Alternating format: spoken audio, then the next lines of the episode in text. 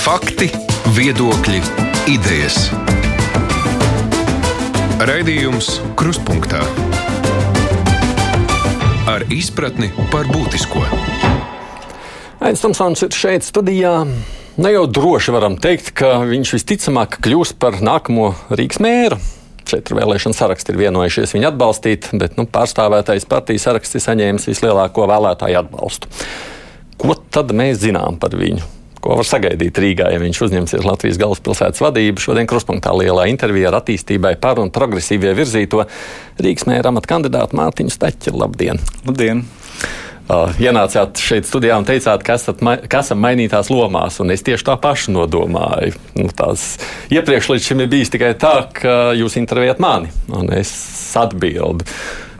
Tiešām sēdēt tagad tajā galda pusē man pretī ir labāk nekā šajā pusē? Um, nē, man tomēr labāk patīk būt tajā pusē. Tad jau kļūdaini izvēle izdarīt. Jā, nu, tādā ziņā, ka. Uh, Tas bija darbs, kas man tiešām ļoti patika. Es būtu par televīzijas raidījumu vadītāju. Tā bija tāda kā garīgā maize, kur tu nu, nedēļā vienu, divas dienas tam velti un interesējies un meklē. Bet, uh, es nekad tā ilgi neesmu laikam, arī uzkavējies vienā vietā. Tā kā ir, varbūt bija arī laiks doties tālāk. Mm, tad jau Rīgas mērā man tāda ilgi neuzkavēsties. Es uh, tiešām politiķu darbu uzskatu par misiju, nevis par darbu. Uh, tu ej ar noteiktu apziņu, misijas kaut ko paveikt, un kamēr tev ir uzticība, tu to dari, un arī tu pievili vēlētāju, ir jābūt arī pilnīgam drosmē arī atkāpties. Jā. Tad jāiziet, kamēr vēl nav apnicis. O, nē, apnicis man tas uh, ne, nekas no tā vēl līdz šim nav. Nē. Nu, bet nedrīkst pieļaut kapnīku. Ja? Nedrīkst pieļaut. Tad izvēlējieties tikai to pusi, tāpēc, ka tā misija ir labāka nekā šajā galda pusē. Nu, es nezinu, vai tā ir labāka vai nē, bet uh, kādā ziņā uh, bija iespēja doties citā virzienā, es šo iespēju izmantoju. Tāpēc, ka kāds uzrunāja. Uh, vairāk vai mazāk tās tomēr bija arī apstākļu sakritības. Un, godīgi sakot, es īsti neticu, ka dzīvē var kaut ko tādu dikt ieplānot un salikt savu plānu, tā teikt, nākamajiem gadiem. Parasti tas viss ir uh, īstenībā no daudziem tādām ne, uh, nejaušām tikšanām, nejaušām sarunām un tā tālāk. Nu, kāds ierosināja, nu tā pavisam īsi, kā tad nokļuvāt politikā? Es tiku uzaicināts uz Zombiedru vienu sapulci, tikai paklausīties, vai ne, un tad Eh, šajā sapulcē pat vēl nebija nekāda plāna, ka varētu dzimt eh, partiju kustībai par. Vairāk bija tāds vienots uzskatījums, ka nav par ko balsot. Tad mēs vienojāmies vienkārši padarboties no tādās darba grupās, saprast, vai mums ir ko piedāvāt. Es biju darba grupā, kas bija uzņēmēja darbība. Un, un tā nu soli pa solim es pat īsti nepamanīju, kurā brīdī es nonācu pirmā ešalona rindās, bet eh, tad jau pēc pašvaldību vēlēšanām bija skaidrs, ka Latvijā ir vajadzīgs jauns politisks spēks tad jā, es biju klāt pie dibināšanas. Tas viss notic diezgan lielā ātrumā. Jā, nav ko vēl garumā. Ir kaut kas, kas politikā vilina, kas patīk, dod garšu. Nu, politika piedāvā ļoti plašas sajūtu gammas, sākot no, no tādas galējas vilšanās līdz pat varbūt uzvaras priekam, no varbūt kaut kādas bezcerības kaut kādos gadījumos līdz gandarījuma sajūtai, ka kaut ko ir izdevies panākt varbūt daudz plašāk nekā notiek uzņēmējdarbība. Tur es gan varētu piekrist. Un tas patīk? Tas uh, spēja aizraut, uh, neslēpšu. Arī tad, kad ir iz, nu, nebecerība. Jā. Nu, ir bijuši gadījumi, jā, kad vienkārši saprotat, ka nu, šajā situācijā es risinājumu neredzu. Nu, kad ir vēl jāmeklē, jārunā tik ilgi, kamēr nu, varbūt risinājums atnāks. Es neslēpšu, ka arī tādas situācijas ir. Kāds piemērs ir prātā?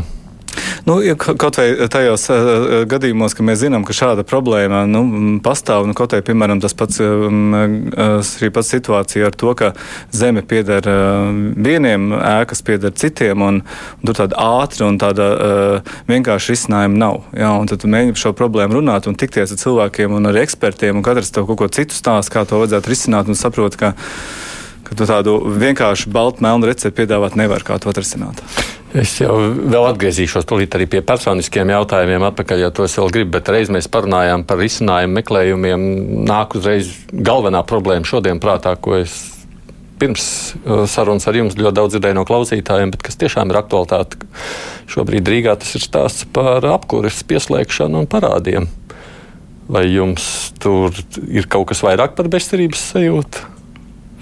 Nu, ir skaidrs, ka tās ir desmit gadu uh, šīs valdīšanas sekas tam, ka mm, Rīgas nama pārvaldnieks nespēja tikt galā ar uh, uzdevumiem, kuriem spēja privātie apsaimniekotāji. Uh, skaidrs, ka visticamāk tas arī saistīts ar neveiksmīgiem pagātnes lēmumiem, kā piemēram ar izvēlēties banku vai arī nu, pazaudēt naudu arī milzīgi arī bankā un tagad mēģināt to atkal likt risināt uz iedzīvotāju rēķiniem. Es, es, es esmu rītā lūdzis, mēs varam pagaidām tikai lūgt, nākt uz mums ar jauno šo pārmaiņu koalīciju, tikties gan pagaidu administratoru, gan arī izpildu direktorē un kopīgi meklēt risinājumu. Skaidrs, ka nu, nevar būt situācija 21. gadsimtā, ka kāds cilvēks vienkārši var palikt bez apkurses.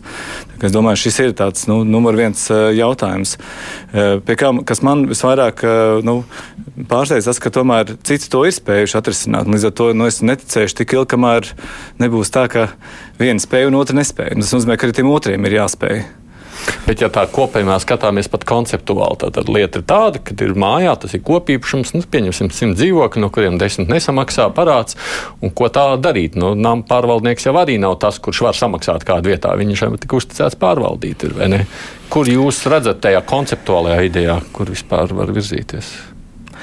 Nu, arī uzņēmējdarbībā darbībā mēs nepārtraukti cīnāmies ar nemaksātājiem. Tā ir tāda klasiska uh, problēma Latvijā. Um, un, uh, tas, ko mēs zinām, ka jo ātrāk un aktīvāk ar šo problēmu strādā un ne, neļauj šai problēmai, nu, tā teikt, jau ielikt vai, vai, vai aiziet eh, tāda, ka viņi vairs ir nekontrolējami, jo tev sliktāk šajā gadījumā veiksies. Tas bija Rīgas nama pārvaldnieka atbildība jau laicīgi strādāt ar parādniekiem, eh, un, un, un eh, ir visi tiesiskie arī saka, instrumenti, lai to darītu. Nevis vienkārši teikt, nu redziet, nemaksā, nemaksā, nu sakarājam, kamēr tā summa ir tik liela, ka mēs nevaram apkur pieslēgt.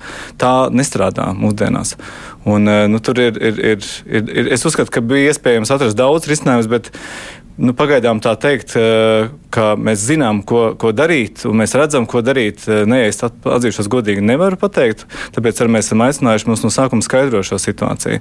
Ja būs kāda vajadzība no likumdošanas puses vai no citas puses, nāciet, jautājiet. Mums ir iespēja droši vien nu, kaut kā to risināt arī augstākā līmenī, bet neatstāja galvenais cilvēks šobrīd bez apkurses. Ja atgriežoties gan pie iepriekšējās domas, gan pie privātiem jautājumiem, es sākšu no šīs puses. Sušakovs arī, starp citu, bija žurnālists. Jūs arī darbojāties televīzijā. Ir tā, ka ētera cilvēkiem ir vieglāk iegūt vēlētāju atbalstu, kā pašam šķiet no pieredzes. Un tomēr nē.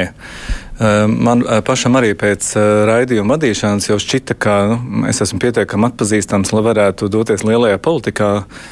Taču nu, kā šādos gadījumos bieži vien dara, nomēra un es sapratu, ka tā nav. Mhm. Un eh, ka tev pašam ir eh, jāstrādā, lai, lai tu savus plusus varētu eh, nopelnīt uz vēlēšanām. Un kā mēs redzam, arī šajās vēlēšanās nevis zaudēja tas, kurš saņēma vairāk mīnusus, bet uzvarēja tas, kurš spēja dabūt vairāk plusus. Tas nozīmē to, ka politiķiem katru dienu ir jāstrādā ar vēlētājiem, ar, ar, ar iedzīvotājiem. Nevis jāpaļaujas ka vienkārši uz kaut kādu vienu kampaņu vai uz kaut kādu pagātnes atpazīstamību. Nu, plusa ziņā, protams, Ušakovs arī nevarētu sūdzēties. Es grūti pateikt, kā būtu, ja viņš šobrīd kandidētu vēlēšanās, bet mēs redzējām iepriekšējās vēlēšanās, kāds arī būtu. Droši vien ir vērts mācīties no priekšgājēju kļūdām. Ko jūs darīsiet, lai nu, nezinu, neaizietu to pašu taciņu, pa kur aizgāja Ušakovs? Nu, es teiktu, ka Ušakova lielākā kļūda tomēr bija arogants. Vienā brīdī vienkārši vairs nevēlēšanās, mhm. jeb, jeb tik ļoti paļaušanās uz to, ka caur savu popularitāti viss tiks vienmēr piedots. Un, kā redzam, ka nepiedeva viss. Un, eh, tā ir viena, protams, problēma. Un otra problēma, nu, protams, kā mēs zinām, tie tomēr bija korupcijas eh, skandāli, vairāk kā 40 krimināli procesi, kas tiek ierosināti šajā laikā. Un, nu, tautai ir zināms pacietības mērs, eh, un šis mērs tiks sasniegts. Līdz ar to nu, ir skaidrs, ka vēlreiz neklausīt, ko tev saka iedzīvotāji, nu, tā ir lielākā kļūda, ko dažiem politiķiem vispār var izdarīt. Un otrs, izveidot tādu sistēmu, lai šādi korupcijas skandāli vienkārši nebūtu. Nu, par abām lietām tad mazliet plašāk skatoties. Augstprātība jau pienāk tad, kad tu to pats nepamani. To jau tikai citi redz, pats jau to neredz. Kā tad, lai panāktu, ka jūs pats to ieraugāt, ja tāda piezaksies? Nu, arī uzņēmējiem lielākā kļūda ir vienā brīdī nedzirdēt, ko viņam saka klients. Un, uh, tas, ko mēs darām, mēs vienmēr uzņēmēji katru reizi jautājam, vai jūs esat apmierināti, vai ir kaut kas, ko mēs varam darīt labāk. Kā es to redzu, kā to var izdarīt Rīgas uh, domas uh, līmenī, tas ir tas, ka faktiski šo 60 deputātu modelis, kuri kā pārstāv savu mm, pilsētu, nu, viņš līdz galam tomēr nestrādā. Un tādēļ, manuprāt, vislabāk pilsētnieku intereses pārstāv tieši nevalstiskās organizācijas.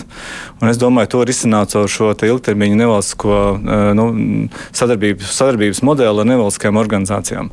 Arī manā birojā būs cilvēks, kurš tieši ar šiem jautājumiem strādās. Es domāju, izveido šo konsultatīvo padomi, kurām mēs faktiski nu, lielos būtiskos jautājumos vienmēr jautājam arī viedokli tām organizācijām, kas pārstāv iedzīvotājus. Un, Tas ir, tas ir viens. Otrs jau es esmu arī jau paziņojis arī oficiāli, ka mēs tomēr meklēsim sadarbības modeli arī ar opozīciju. Līdz šim starp opozīciju un pozīciju bija tāda kā betona siena uzcelta. Un, uh, mēs zinām, ka opozīcija vienkārši netika uh, ņemta vērā. Speciāli tika mainīts arī nolikums, lai opozīcijai nebūtu nu, nekāda iespēja ietekmēt uh, lēmumus. Es vienkārši patiesībā šeit nekas jauns nav jā, jāizdomā, jāatgriežas pie tās sistēmas, kas bija pirms desmit gadiem, kurā tomēr opozīcijai bija iespēja piedalīties uh, domas darbā. Tas, tas ir teiksim, otrs svarīgs jautājums. Nu, trešais tomēr ir tas, ka Nu, Rīgas domē ir visas iespējas arī mērīt iedzīvotāju apmierinātību. Nu, piemēram, Rīgas nama pārvaldnieks, manuprāt, ir ļoti labs piemērs, ka mēs nevis kapitāla sabiedrība būtu jāmēra pēc tā, kāds ir nu, gada rezultāts, kāda ir ebita, bet gan pēc tā, vai ir audzis uh, iedzīvotāju apmierinātība ar kaut kādiem pakalpojumiem vai nav. Un, faktiski pēc tā būtu jānosaka, cik veiksmīgs tu esi kā kapitāla sabiedrības vadītājs vai tava komanda, vai tu esi pelnījis kādu prēmiju vai piemaksas. Tad, ja katru gadu iedzīvotāja apmierinātība tev sniegtiem pakalpojumiem pieauga. Savukārt par godīgumu runājot, nu, nav jau tā, ka Uškaus droši vien no sākuma gribēja un atnāca, es gribu, lai viss ir negodīgi, var iedabūt naudas jau kabatā. Tā jau droši vien nenotiek. Jā, kur tad tā problēma radās, jūsuprāt? Nu, šim pasaulē ir atrasta metode, ja, un šo OECD standartu jau faktiski lielā mērā ir tāds pikers, kurš pasaka priekšā, kā izveidot sistēmu tādu, lai nebūtu šāda riska. Nu, tā viena elementāra lieta ir regulāra vadošo darbinieku rotācija, ko sapcīt starptautiski uzņēmumi, kuros es esmu strādājis, ir pieņēmuši kā absolūtu standartu, ka vienkārši tu nevari vairāk pa kaut kā, nezinu, pieci vai cik gadi strādāt eh, vienā vietā, tev ir jārotē. Un tas, ka tu izveido sistēmu, kur kāds darbinieks strādā 20 eh, gadus, eh, es domāju, vadošs darbinieks, kāds bija piemēram Bemhena kunga mm. gadījumā. Nu, skaidri parāda, ka nu, pat tad, ja cilvēkam ir labākie nodomi, tomēr tā teikt, cilvēciskās vājības var kādā veidā vienā brīdī pies, pielāgoties nepamanīti. Un, eh, tā kā eh, izveidot sistēmu, kurā vienkārši jau preventīvi strādā, lai tas tā nebūtu, es domāju, tas ir šobrīd pats svarīgākais. Ko tad darīs, ja tas būs kaut kā pilnīgi nolikumā ielikts, ja vadītājs tiks pieciem gadiem un āmen? Es domāju, tas ir tāds visaptvarošs plāns, kur es šobrīd sagaidu no, no, no, no Ozolas kundzes, jo tad, ka mēs esam vienojušies, ka šim plānam ir jābūt, nu, tā teikt, vicemēra līmenī. Tam būtu jāstrādā ne tikai viena departamenta līmenī, bet pilnīgi ar visiem departamentiem, visām komitejām, vis, nu, patikt, viss horizontāli, tā varētu teikt. Un šīs vadlīnijas ir jāievieš, bet šīs vadlīnijas viss vienmēr sākās no tā, ka tev ir uzstādījums, ka tu to vienkārši vēlies izskaust. Mēs redzam, ka papīri jau ir sarakstīti labi, labi arī Rīgas domē. Tikai jautājums ir, kāpēc tas nu, nekad netika ieviests. Jo tāpēc, ka, nu, tas nu, tomēr nebija nekad kā politiskais uzstādījums. Mēs vēlamies šeit pašvaldību, kura ir tīra no koruptīviem darījumiem. Kas nozīmē, jūs viens no solījumiem šobrīd mūsu klausītājiem sakot tā, šajos vadošajos amatos, kapitāla sabiedrībās vai kur citur, Tātad būs limitēts termiņš, kurā drīkstēs atrasties. Tas ir arī eh, tas, ka ir jābūt padomēm, eh, jābūt tāds, ka šiem padomju atlases komisijas ir neitrāls. Tur ir vesela rinda. Es tikai minēju kā vienu vai divus piemērus no šī visa saraksta.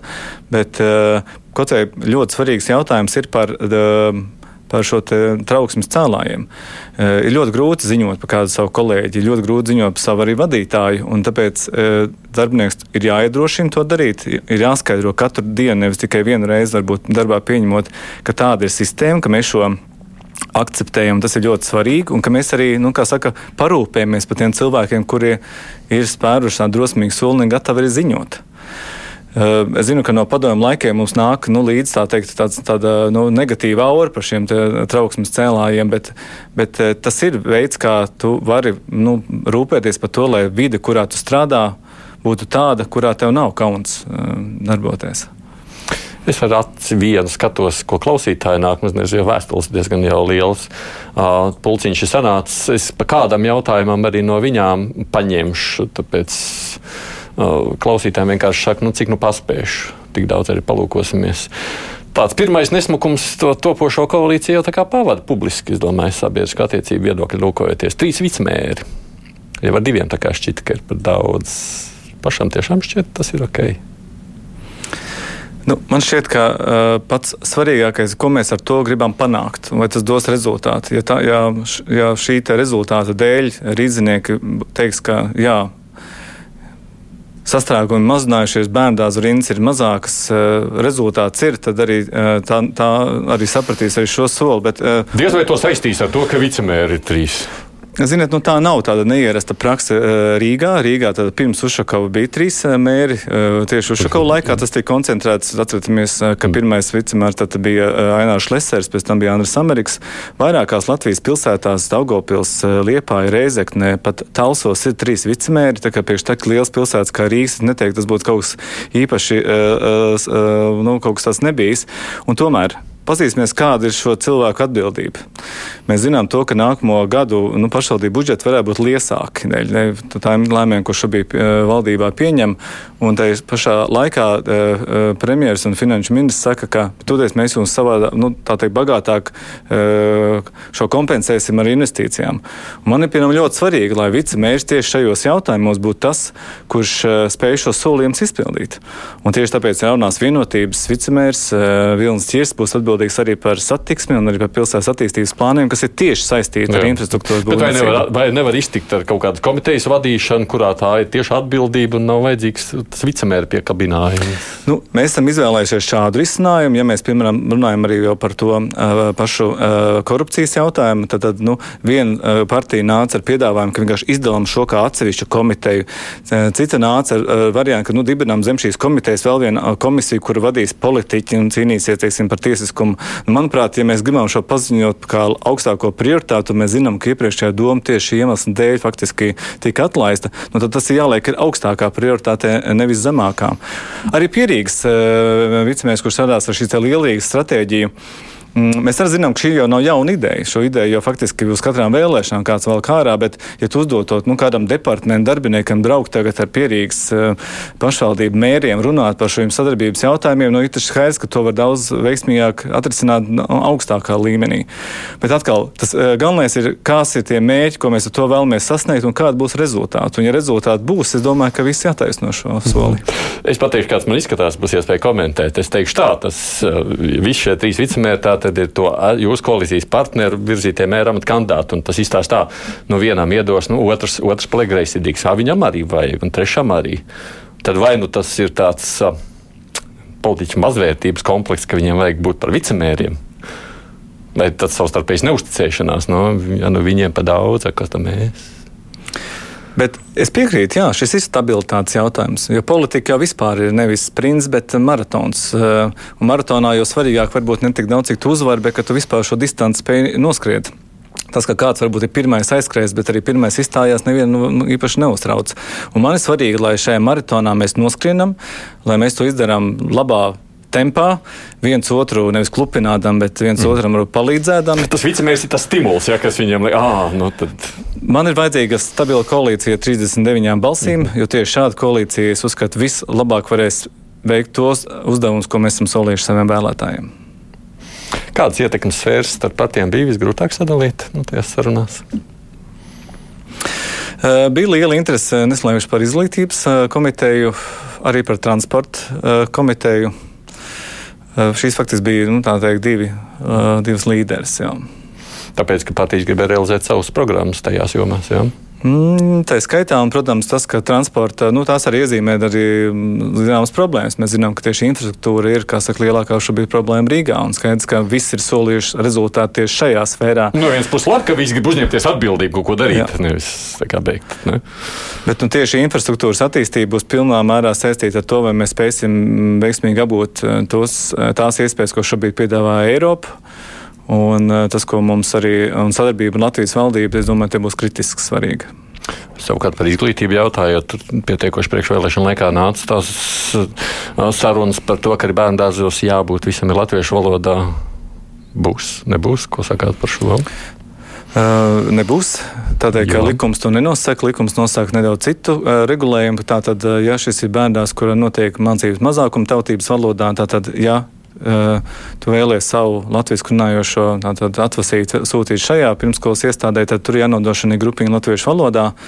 Un, uh, mēs savukārt, nu, tas, par ko es raizējos, un kas man ir svarīgi, lai tas ne tikai notiktu, kā saka, vardarbīgi, bet cilvēcīgi, lai tur būtu arī pietiekams atbalsts gan pedagogiem, gan arī, gan arī bērniem un tā tālāk. Bet nu, tas, tas tā notiks, un tas, protams, arī viens no veidiem, kā mēs varam mazināt bērnu dārza rindas. Nebūs rindas, kad jūs beigsiet darboties kā sasaukums? Ziniet, šajā jautājumā ir tik daudz nezināmo. Ja, piemēram, neviens jau īsti nevar pateikt par šo rindu. Mēs jau zinām, ka daudz cilvēku, kas, piemēram, ir reģistrējušies kaut kur, bet patiesībā nemaz nedzīvo tur. Mēs zinām, ka ir reģistrējušies vienā pašvaldībā, jo tur ir lielāka līdzfinansējuma, bet patiesībā ir otrā. Tāpēc nu, šobrīd nu, tā pilnīgi droši pateikt, ka nebūs, es domāju, nevar neviens, bet mēs apmēram zinām, kas ir tie, nu, tie trīs svarīgākie soļi šajā virzienā, lai nebūtu. Mm. Un varbūt atgādiniet klausītājiem, lai viņi zinātu tos trīs soļus. Tos jau varētu nosaukt. E, jā, e, mēs zinām, ka trūks pirmskolas pedagoģu. Mums ir pirmkārt jārisina jautājums gan ar atalgojumu, gan arī ar to, ka uh, mums jābūt pietiekami daudz arī apmācītiem pedagogiem. Tāpēc šeit jārisina šo jautājumu ar Latvijas izglītības iestādēm. Es domāju, ka Rīgas domē būtu faktiski arī jālīdzfinansē uh, apmācība, respektīvi nu, jāizsniedz studiju kredītu, kuru tu dzēs strādājot pēc tam par pirmskolas pedagogu. Uh, mēs, protams, varam aicināt tālāk privātos bērnu dārzus Eh, bet atkal tas nedrīkst notikt tā, ka mēs vienkārši palielinām privāto bērndārziem eh, finansējumu, kur vienkārši ņem un noņem no šos pirmskolas pedagoģas eh, pašvaldības. Tad tas jārisina atkal kopā ar šo pirmo problēmu. Nu, un, protams, arī tas, ka nu, bērndārzu vietu arī var, vajag vairāk, un šo jautājumu ļoti labi risināt kopā ar pierīgu. Jo daudz jau mēs zinām, kas dzīvo pierīgā, bet patiesībā sūta savus bērnus teiksim, šeit centra bērndārzos, un tāpēc atkal šis lielrīgas stratēģijas modelis ir jārisina augstākā līmenī. Droši vien jāņem daži klausītāji jautājums pārlasīt, nu, arī komentārus. Trīs vicemēri talsos, nezinu, vai tā ir laba pieredze, par kurus kur vajadzētu atsaukties, tā saka Liekmeņa kungs. Um, Savdabīgs jautājums ir uh, klausītājam par Lutāņu baznīcu. Kārlis prasa, vai jūs pieņemsiet kādus labvēlīgus lēmumus saistībā ar Lutāņu baznīcām vai dosiet tām kādas atlaides? Varbūt nedaudz vēl par mēriem. Es gribēju arī uh, tomēr uzsvērt to, ka mēs amatu skaitu kopumā nesam palielinājuši. Un, piemēram, vice, tāpat kā mērs ir arī vienlaicīgi finanšu komitejas vadītājs, tāpat arī vicemērs, uh, kas būs Linda Ozola, arī atbildēs arī par šo kārtības drošības un korupcijas novēršanas komiteju. Tā kā kopumā, jo mēs neesam palielinājuši birokrātiju, bet vienkārši sadalījuši nedaudz akcentus. Mm -hmm. Un par Lutāņu baznīcu es ne tikai biju Lutāņu baznīcas aktīvs, bet arī darbojos tādā ekumeniskā organizācijā, kas piedāvāja, uh, piedāvāja um, tādu nu, uh, programmu Alfa gan uh, faktiski visām uh, konfesijām Latvijā, tā ka man ir diezgan liela arī starpkonfesionālā pieredze. Un man šeit tāds viens izteikts favorīts nav. Varbūt šajā baznīcas kontekstā man ir nākušais jautājums, nu, kas varētu izriet no tā, bet droši vien, ka ir jāatgādina klausītājiem un skatītājiem. Mums šeit studijā ir Mārtiņš Stačs, kurš ir Rīgas mēra amata kandidāts no attīstībai pat un progresīvajiem. Nu, un faktiski šobrīd jau viss koalīcijas izvirzītais gaidot tikai, protams, kā vēl tie tehniskie notikumi risināsies tālāk. Raidījums Krustpunktā. Es šo vēl es iesākšu vienkārši ar vienu citu jautājumu no Ernesta sacītā, vai staķkunga, kāds ir Staķkunga ģimenes stāvoklis, vai ir sieva bērni, ja viņš ir no tās partijas. Droši vien ne visi jau sekojums tomēr tik sīk līdzi. Jā, nu es arī ļoti rūpīgi sargāju savu privāto dzīvi, bet es esmu jau 16 gadus laimīgā laulībā, un man ir divi brīnišķīgi dēli, kas mācās arī Rīgas skolās. Kā... Nu, ieiet jūs partijas lapā, jūs neko tur būtiski nesargājat. Nu, tagad uz vēlēšanām viss bildes ir redzams pilnā Tas īpaši ir neakcentēji. Jā, bet ja runājam savukārt, ko ģimene saka par šo visu politisko karjeru. Nu, mēs ar sievu esam pazīstami daudz ilgāk. Mēs mācījāmies vienā skolā, un man sieva zina, ka es vienmēr esmu darījis vismaz vairākas lietas vienlaicīgi, ne tikai savu pamatlietu, bet arī kaut ko, kaut ko citu. Vai tas ir um, kā brīvprātīgais skolotājs vai kā zemesargs, vai nezinu, skolā mēs bijām dažādas, uh, man bija ārpus skolas aktivitātes. Es arī nāku no ēdināšanas uzņēmēja darbības, kur patiesībā nu, strādāt uh, pirms, nu, sāk darbu, pirms vēl visi mostās un beigt darbu, tā kā visi iet gulēt, ir tāds zinām jau standarts. Uh, Tur jau pieredzi, ka jūs mājās nesat. Jā, nu mēs ļoti veiksmīgi līdz šim esam šo jautājumu kaut kā menedžējuši. Jūs jau pats sakāt, ka jums ģimenes lietas ir svarīgas. Vismaz skatoties tajās intervijās, kurās jūs to uzsverat, tā ir. Un tāpēc es to sargāju. Bet savukārt, ja palūkojamies sociālajos tīklos, tad pietiekoši daudz jūsu partija tiek saistīta ar partnerattiecībām, kas vienai daļai klausītāji galīgi nesaistās ar ģimenes vērtībām. Kā tad jūs savienojat šīs divas lietas kopā? Uh, dzīvesbiedra likums ir uh, jā, likums, kuru es atbalstīju un balsoju par. Es pats personīgi pazīstu ģimeni, kurā mm, pēc desmit gadu kopdzīves uh, ģimenes galva aizgāja prom, atstājot savu draugu vienu faktiski bez nekā. Un, ja uz to ja tajā brīdī būtu bijis dzīves biedra likums, tad neskatoties to, ka viņiem bija kopīga saimniecība un to, ka bija kopīgi piedalījušies dažādu kredītu maksājumos, šeit būtu iespējams šo jautājumu juridiski kaut kā risināt, un šī sieviete būtu pasargāta. Līdz ar to nu, nav man liekas pareizi šo jautājumu vienmēr tikai teikt, runājot tikai par vienzimumu pāriem. Šeit jāsaprot, ka Latvijā arī tūkstošiem ir pāru, kuriem ir, kas vienkārši nedzīvo laulībā un kuriem ir vajadzīga juridiska aizsardzība. Bet jums nav iebilžu arī pret vienzimumu pāru attiecībām? Iebildumi? Jā. Nē, man nav iebildumi. Es domāju, ka tā ir šo cilvēku uh, privāta lieta. Jā, un, uh, uh, kā nu, mūsdienās kaut ko tādu tā teikt, iebilst vai par to izrādīt tādu milzīgu pārsteigumu, es domāju, būtu vienkārši nevietā. Bet baznīca iebilst. Un baznīca izsaka, ka neapmierinātība ar to vismaz publiskajā telpā. Tāpēc es savietoju šos abus jautājumus kopā. Kā jūs savienojat šo?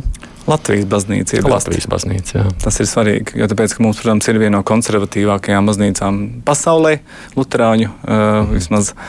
Un um, zinām arī citas Lutāņu ir apstākļi pašā Skandināvijā, kuras ir citās um, domās par šo jautājumu. Bet jūs esat Latvijas konservatīvās baznīcas pārstāvs, darbojaties savas draudzes valdē, ja es pareizi saprotu. Jā? jā, nu kristieši arī dažādi ir. Jūs varat savienot, tas jūs nemulsina.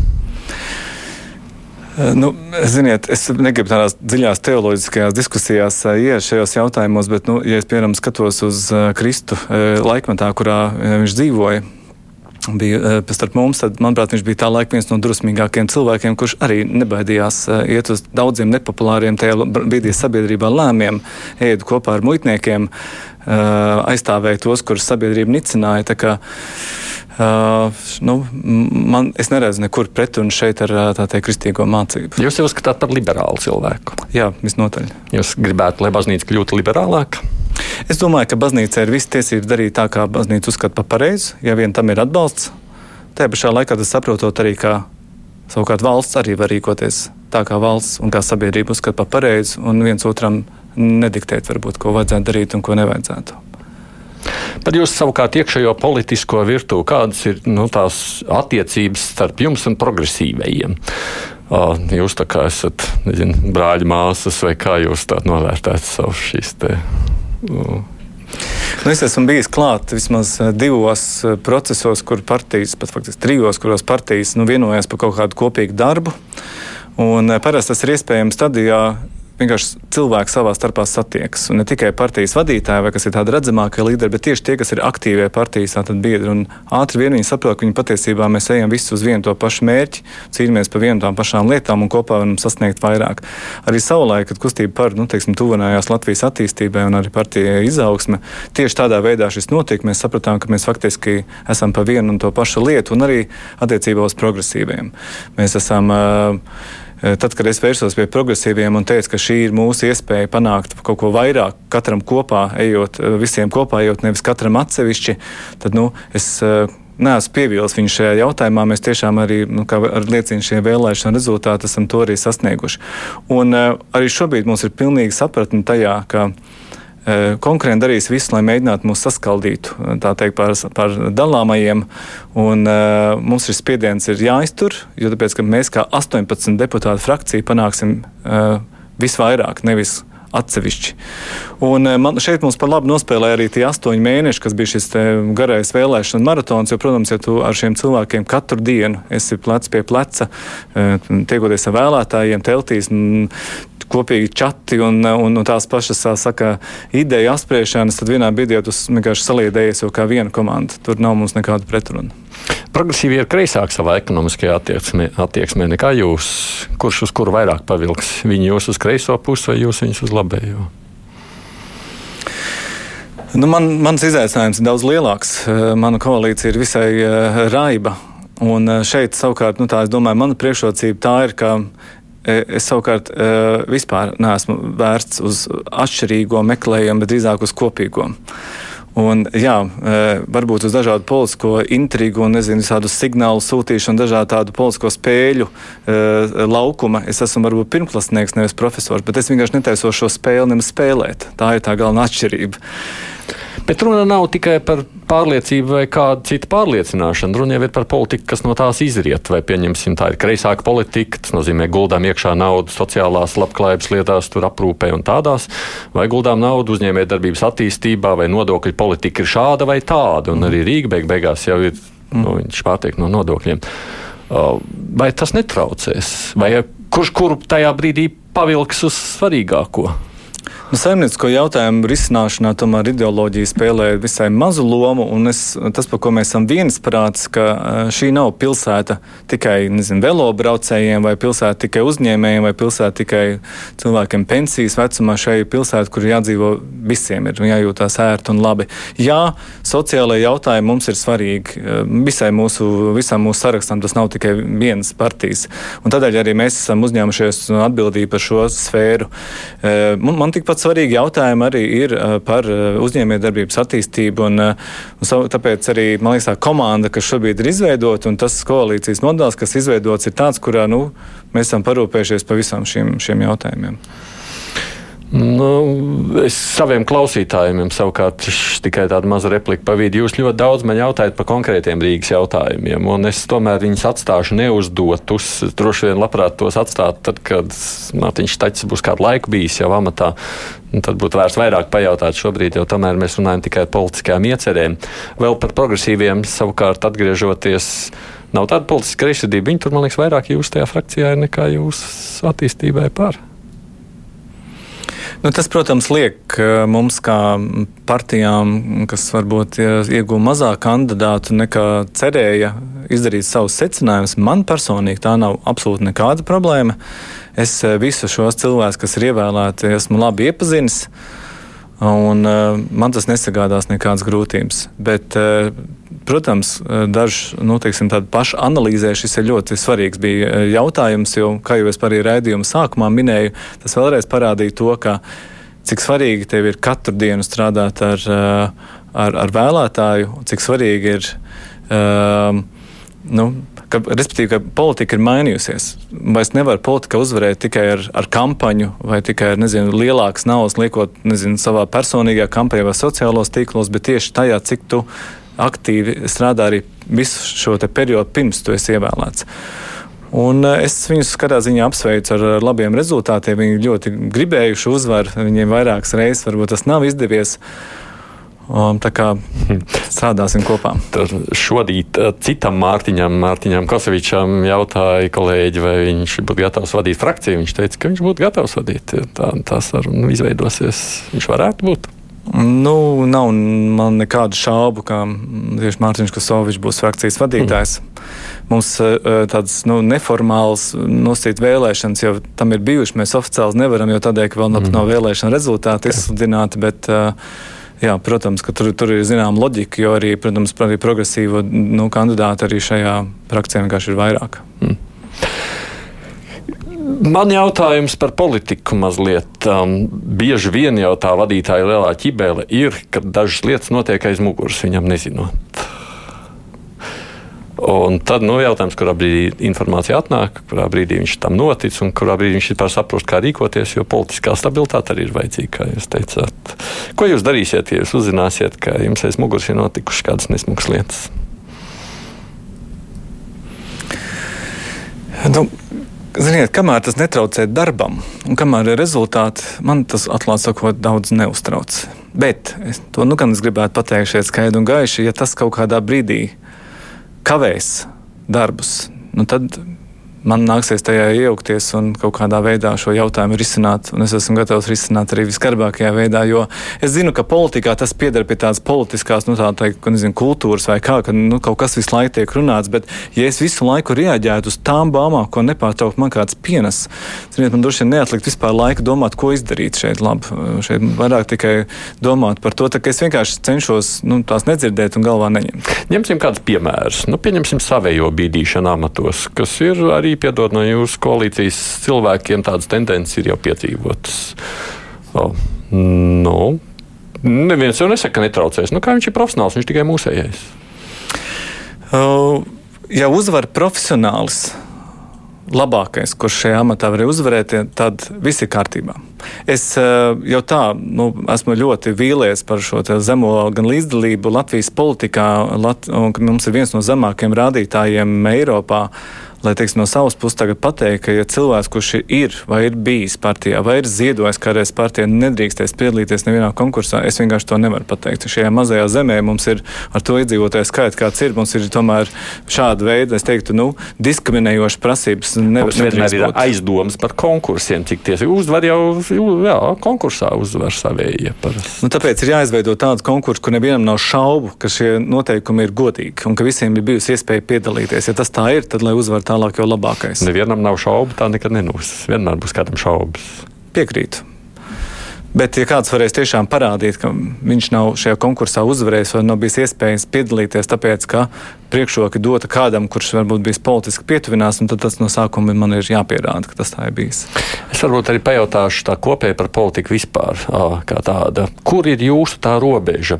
Cik tālu jūs sakāt, nu, politikā ir vajadzīgi kompromisi, un reizēm nu, bez kompromisiem nevar atrisināt lietas, un kādreiz ir vajadzīgi kaut kādi stingri principi. Kā jūs sev nodefinētu? Kur ir jūsu robeža, cik tālu jūs esat elastīgs uz kompromisiem un kurā brīdī jūs sakat, nē, šeit ir stop. Nu, um, tas, ko mēs šajā pārmaiņu koalīcijā mēģinām izdarīt, un, uh, tas nav tas, ko pašvaldībās parasti dara, ir tomēr uh, izveidot šo te, nu, darbu prioritāšu sarakstu, ko mēs esam vienojušies, ko darīt. Uh, un, uh, Un tas ir tas, ko mēs esam apsolījuši arī mūsu vēlētājiem šajām vēlēšanām. Kamēr vien mēs ejam uz šo rezultātu, tikmēr es uzskatu, ka mēs tā tad ejam pareizi. Tajā brīdī, kad es sāku just, ka kaut kādā veidā kaut, kaut kas nu, teikt, iet jau uz kompromisiem, ja iet, nezinu, tiek nostādīts kaut kādas citas uh, vēlmes vai citas vajadzības augstāk nekā uh, rīdzinieku vajadzības, un to cilvēku, kas mums, mums ir uzticējušies, nu, šī droši vien tad ir mana līnija sarkanā. Un ko tad darīsiet? Nu, piemēram, es nezinu, ja kāds atkal nāk man ar piedāvājumu, kurš saka, ka uh, monopols uz 20 gadiem uh, atkritumu savākšanā ir kaut kas tāds, no kā iegūst rīznieki, tad, uh, tad ziniet, man diezgan grūti būt pārliecināt par kaut ko tādu. Tad jautājums par Zelpēters kundzi. Tas ir vienošanās. Tā tad ir tā, ka viņi tiks nomainīti, kad jūs sāksiet darbu. Kā izpildirektors domāju šajā reizē?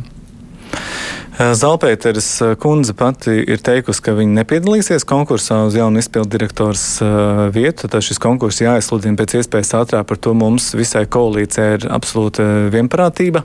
Šeit par ko nav vienprātība ir, ko darīt šajā periodā līdz tam, kad šis jaunais izpildu direktors uzsāk darbu. Mhm. Uh, un tas ir viens no jautājumiem, kur, kāpēc arī esmu lūdzis rīt uh, šo tikšanos uh, arī ar izpildu direktoru tajā skaitā. Jo, principā, ja, mums, ja man skaidro, kas ir tas, ko šobrīd dara, man ir iespēja nu, zināt šo un būt pārliecinātam, ka tas, kas tiek darīts, ir rīznieku labā. Nu, es uzskatu, ka arī šī izpildītājs pienākumu izpildītāja var strādāt līdz tam brīdim, kad jau sājās darbā jaunais izpilddirektors. Ko jūs domājat par to gaidāmo tiesāšanos, domāju, vēlēšanu rezultātu kontekstā, cik tas ietekmēs jūsu plānus vai ieceru realizāciju? Mēs strādājam pie tāda scenārija, ka vēlēšanu šo pirmo sapulci vēlēšanu komisija varētu sasaukt jau 18. septembrī. Nu, nezinot to, ko, protams, izlems tiesa. Ja gadījumā tiesa izlems, tomēr, ka jātaisa ir atkārtotas vēlēšanas šajos divos iecirkņos, mums nāksies izveidot šo sadarbības modeli ar pagaidu administrāciju un izpildu direktoru pienākumu izpildītāju, no tādu, kurā mēs kaut kādā veidā sadarbojamies. Jo es arī saprotu to, ka mēs nu, nevaram šobrīd noraut stopkrānu jebkam, kas notiek Rīgā, un teikt, nē, gaidām vēl divus, trīs mēnešus. Šobrīd, piemēram, ja Rīga neizmantos tūlīt tagad, nākamnedēļ, šīs iespējas, ko mums, piemēram, pavēr Eiropas atvesaļošanās fonds, mēs vienkārši palaidīsim garām ļoti daudz uh, darbu, kurus mēs varētu paveikt. Un tāpēc nu, te vienkārši nāksies atrast to modeli un kaut kā strādāt tādos apstākļos, no kādos mēs būsim. Kādam vispār jāatbild par tām neapzīmogotajām aploksnēm, jūsuprāt? Jā, aplūkš, nu, es nezinu, ko es tomēr, mm, tomēr atturēšos eh, vērtēt, jo tāpēc, es pats vēlēju citā iecirknī, nu, es redzēju, kā manā iecirknī strādāja cilvēki ļoti smagos apstākļos. Tajos iecirkņos es nebiju, bet es pieņemu, ka gan Centrālā vēlēšana komisija, gan tiesa tur uzklausīs visas puses un pieņems lēmumu. Man liekas, politiķiem par šo nevajadzētu īpaši. Tur liekas, ka kaut kādā mērā Rīga atbild par tām vēlēšanu komisijām, kas jums tur darbojās. Tur kaut kādu vērtīšanu vajadzētu uztaisīt pēc. Un, nu, obligāti to gan jau. Jā. Nu, jo tādēļ, ka kļūdīties var katrs, bet jautājums, vai no kļūdām mācās un izdara kāds secinājums. Es skatīšos, ko klausītāji mums atkal raksti. Nā, nu, par divvalodību te vairāk prasa. Jā, nu, faktiski mm, vienādi divvalodība pašvaldību iestādēs, vai jūs prāt atbalstāma? Purviņkungs prasa, jā, progresīva ir par divu valodību. Jūs arī vismaz de facto to līmeni esat atbalstījis kā ar to. Nē, esmu atbalstījis nekad divu valodību de facto līmenī. Es esmu vienmēr uzskatījis, ka vien, Latvijā ir viena valoda un oficiāla valoda ir latviešu valoda. Un, un, e, savukārt, e, ja mēs runājam par tādu cilvēcīgo līmeni, kur teiksim, kāds, kurš um, nezinu, cilvēks pensijas gados, kuram nav bijusi kaut kāda iemesla dēļ vēlme vai vēl, gribēšana vai iespēja apgūt latviešu valodu, un viņš iet un lūdz savu palīdzību, un šis cilvēks, kas viņam pretim sēž, arī var atbildēt, tad es domāju, ka to nevajadzētu aizliegt. Hmm. Tāds tas risinājums būtu. Jā. Bet, eh, jā, nu, es domāju, neatgriezīsimies pie divvalodības tēmas. Šis jautājums ir pilnībā Latvijā izlemts, un uh, tur nav, nav par ko teiksim, šo veco zupu sildīt. Latvijā ir viena valoda, tā ir latviešu. Zavners kungs raksta, cerams, ka pēc pieciem gadiem lauvu bedrē Mārtiņš nebūs kļuvis pavisam sirms. Nu, es to varu diezgan droši jums solīt. Man jau tagad ar vien vairāk sirmu atpaliek. Jaunāks ar nepalieku. Tad ir vērts tomēr. Nu, visliktākais, man liekas, kas var notikt ar kādu nodzīvot tukšu dzīvi. Nu, klausītāji, es joprojām skatos arī, ko ļaudis man raksta. Te ir tāds, nu, faktiski divi jautājumi no Raimonda, kurš saka, sakiet, lūdzu, vai gadījumā nav tā, ka jūs nemaz neesat zemesargs, bet gan zemesarga palīgs, un vai šīs ar Mārtiņu var doties izlūkos nav tikai pliks PR gājiens, jo, cik man informācija, pēdējo reizi jūs mācībās piedalījāties pirms pieciem gadiem. Nu, nav jums tad šī kunga rīcībā pareiza informācija. Es esmu tikko pārslēdzu arī jaunu līgumu. Es savu piecu gadu līgumu nodienējis un tagad noslēdzu jaunu. Protams, nezinot, vai man būs iespēja doties uz mācībām pilnā apjomā, bet uh, tur ir tā, ka līgums paredz, ka tu būsi zemesardzē pieejams vismaz 20 dienas gadā, bet ne vairāk kā 30. Tur vajag īpaši atļauju, lai būtu vairāk. Nu, visus pirmos četrus gadus, kopš es biju zemesardzē, vienmēr biju vairāk nekā no manis sagaidīja. Jā, pēdējā gadā, kad jau es apvienoju gan saimnes deputāta darba, parlamentārā sekretāra darba. Man bija ļoti daudz uzdevumu tieši, kas bija brīvdienās, kas nu, aizsardzības sektorā ir diezgan raksturīgi. Eh, tad es esmu eh, bijis patiešām mazāk nekā šīs 20 dienas, bet tikai 5. gadā. Un kā ar kori viņš te prasa, vai tur dziedāt? Korī gan es gribētu atgriezties pēc iespējas ātrāk, īpaši zinot to, ka drīz arī būs lielie dziesmu svēki, un tam jāsāk gatavoties laicīgi. Un to varēs apvienot? Nezinu. Godīgi nezinu. To koris pat nezinu. Es tā domāju, teikt vai neteikt to, ko es esmu savulaik eh, dzirdējis arī Garkalnē par šo kori. Drīzāk no citas puses pajautāšu. Jums nav tā kā, nu, jums nu, kaut kāds vēsturisks saites ar Zaļo zemnieku savienību, arī jums tur ir sanācis kora dēļ, nu, mammas dēļ. Jums vispirms trīs cilvēki, cik nav žēl, ka zēzais niekļu Rīgas domē. Nē, nu, žēl, nu, nē, nu, šī tāda Es, es vienmēr uzskatīju, ka ideālais modelis, kāds būtu Rīgas domē, ir tieši tāds, kā arī vēlētāju šo uzticību mm. dāvāja. Tas ir četras uh, bijušās opozīcijas partijas, kuras, uh, no kurām uh, nu, arī daļa ir tādas, kas ir ievēlētas, kuras darbojas arī valdībā. Līdz ar to mēs varam iz, nu, teikt, paņemt labāko no šīs situācijas.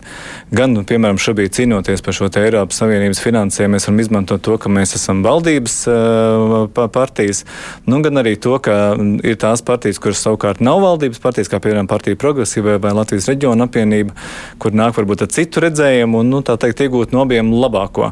Bet, nu, skaidrs, ja opozīcija ir e, e, desmit gadus teikusi, mēs varam labāk, mēs varam savādāk, mēs zinām, kā, nu, bija jādod iespēju opozīcijai šo, šoreiz. Un tagad būs opozīcijas lielā iespēja pierādīt to. Nu, tā tas vienkārši par to Garkalnu pieminot. Nu, reizēm saka, jūs kurs savukārt ir pierakstīts Garkalnē. Jā. Un savukārt Garkalnieši saka, ka nu, tas ir tikai tāpēc, ka jums mammai vai jums nezinu, bijuši saistība ar ZZS, jo ZZS ir Garkalnē vadījusi visu laiku, un tāpēc arī viņi tur ir. Lai gan pats kurs koncertē Rīgā. Lielākoties tātad mēģinājumi notiek Rīgā, un tur no Garkalnas ir tikai daži cilvēki, cik es saprotu. Vai nav tāda iespēja pierakstīties un kļūt par Rīgas kori? Nē, esmu par šo jautājumu domājis. Kādā ziņā pašvaldības vadītājs vēlējās, lai Garkalns nodabūtu nu, vairāku līmeņu kori, arī tāds, kas var piedalīties starptautiskos konkursos, un Garkalns vārdu nest arī varbūt ne tikai nu, Latvijas robežās, bet kaut kur varbūt uh, plašāk. Mēs diezgan goprātīgi šo uzdevumu pildījām. Uh, vienmēr esam sevi uzskatījuši par garkalns uh, kori, uh, bet nu, tas, ka Rīgā notika mēģinājumi, bija ērtāk arī pašiem garkalniešiem, tāpēc, ka daudz no viņiem vienkārši strādāja Rīgā. Par dažām jūsu iecerēm etalonu Rīgā vairs nebūs. Tā jūs soliet pirms vēlēšanām. Nebūs. Nebūs tāda etalona sistēma, kāda ir šobrīd, kurā ir vienkārši starpnieki, kas vienkārši miljonus paņem sev.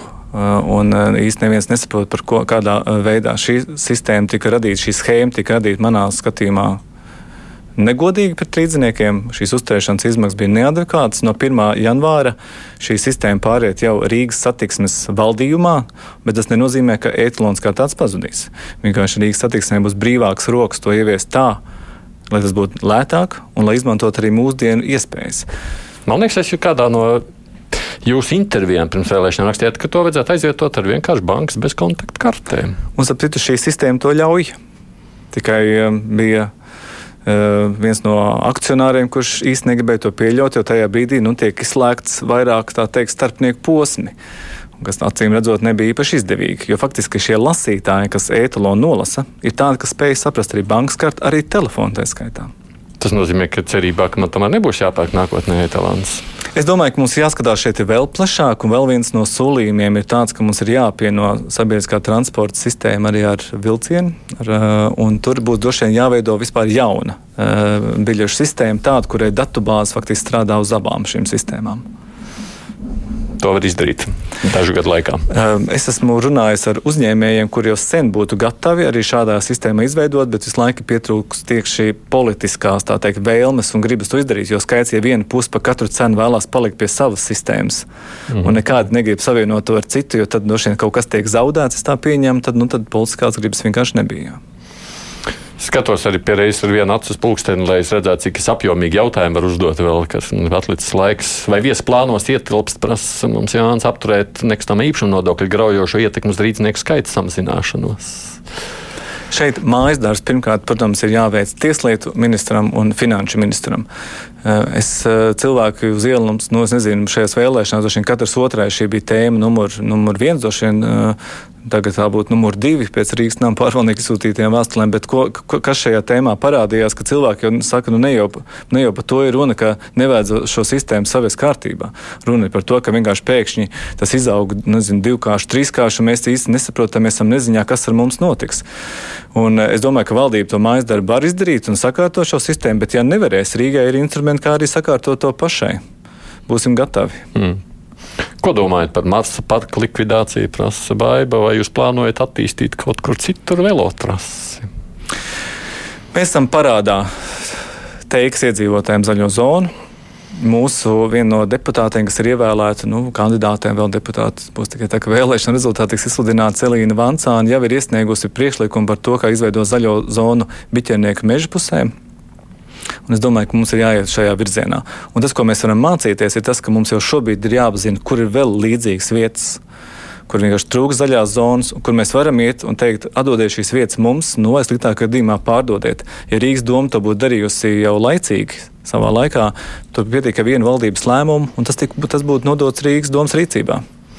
Vai jums grib, būs kaut kāda, nezinu, tāda tuvo domu biedru komanda, padomnieki vai nu, štata vai neštata vai ārštata, kuros jūs tur grasāties tā īpaši ieklausīties un ar kuriem rēķināties? Nu, nav jau īpaši arī citu uh, versiju, tāpēc, ka Rīgas domas pašvaldības vadītājiem nav administratīvais mehā, nu, teiksim, tāds aparāts, viņam šis aparāts jāveido pašam, tā ka nu, noteikti man būs aiz manis uh, nopietna komanda. Uh, Eh, tur jābūt gan spējīgiem juristiem, ir, eh, kas, var, kas zina, kā veidojās iepirkumi, kā tiek saistīti līgumi, lai nebūtu vai šī situācija, ka tiek parakstīti kādi līgumi, pa kuriem pēc tam notiek tiesvedības. Tur ir vajadzīgi arī juristi jātajos pašos arī reorganizāciju jautājumos, kas visticamāk Rīgas domē būs aktuāli. Eh, vajadzīgi padomdevēji ir, eh, kā eh, veidot šo sadarbības modeli ar nevalstiskām organizācijām, kas arī vienkārši pārzina ļoti labi, kā darbojas publiskās finanses un tā tālāk. Tā ka, protams, šāds kolektīvs ir jāizveido. Kā jūs atlasīsiet, kā jūs tiksiet pie šādiem cilvēkiem? Ir kādi padomā, pazīstami konkursi? Nu šeit, šajā gadījumā gan es konkursu nesolu, jo šeit vairāk ir tāsim, tāds uzticības jautājums. Arī tiem jābūt tādiem cilvēkiem, kuriem kur padomiem tu patiešām uzticies. Un man, es pazīstu ļoti daudz cilvēkus, un esmu bijis vienmēr sabiedriski aktīvs. Tā kā man teiksim, tas saraksts, no kā izvēlēties, ir diezgan plašs. Jums jau ir jau padomā, jau kurš neslēpšu, ka es par to laicīgi domāju, tādēļ, ka, ja gadījumā vēlēšanas notiek nu, 18. septembrī, neviens mums simts dienas nedos, darba būs jāķerās tulīt un tagad. Mm.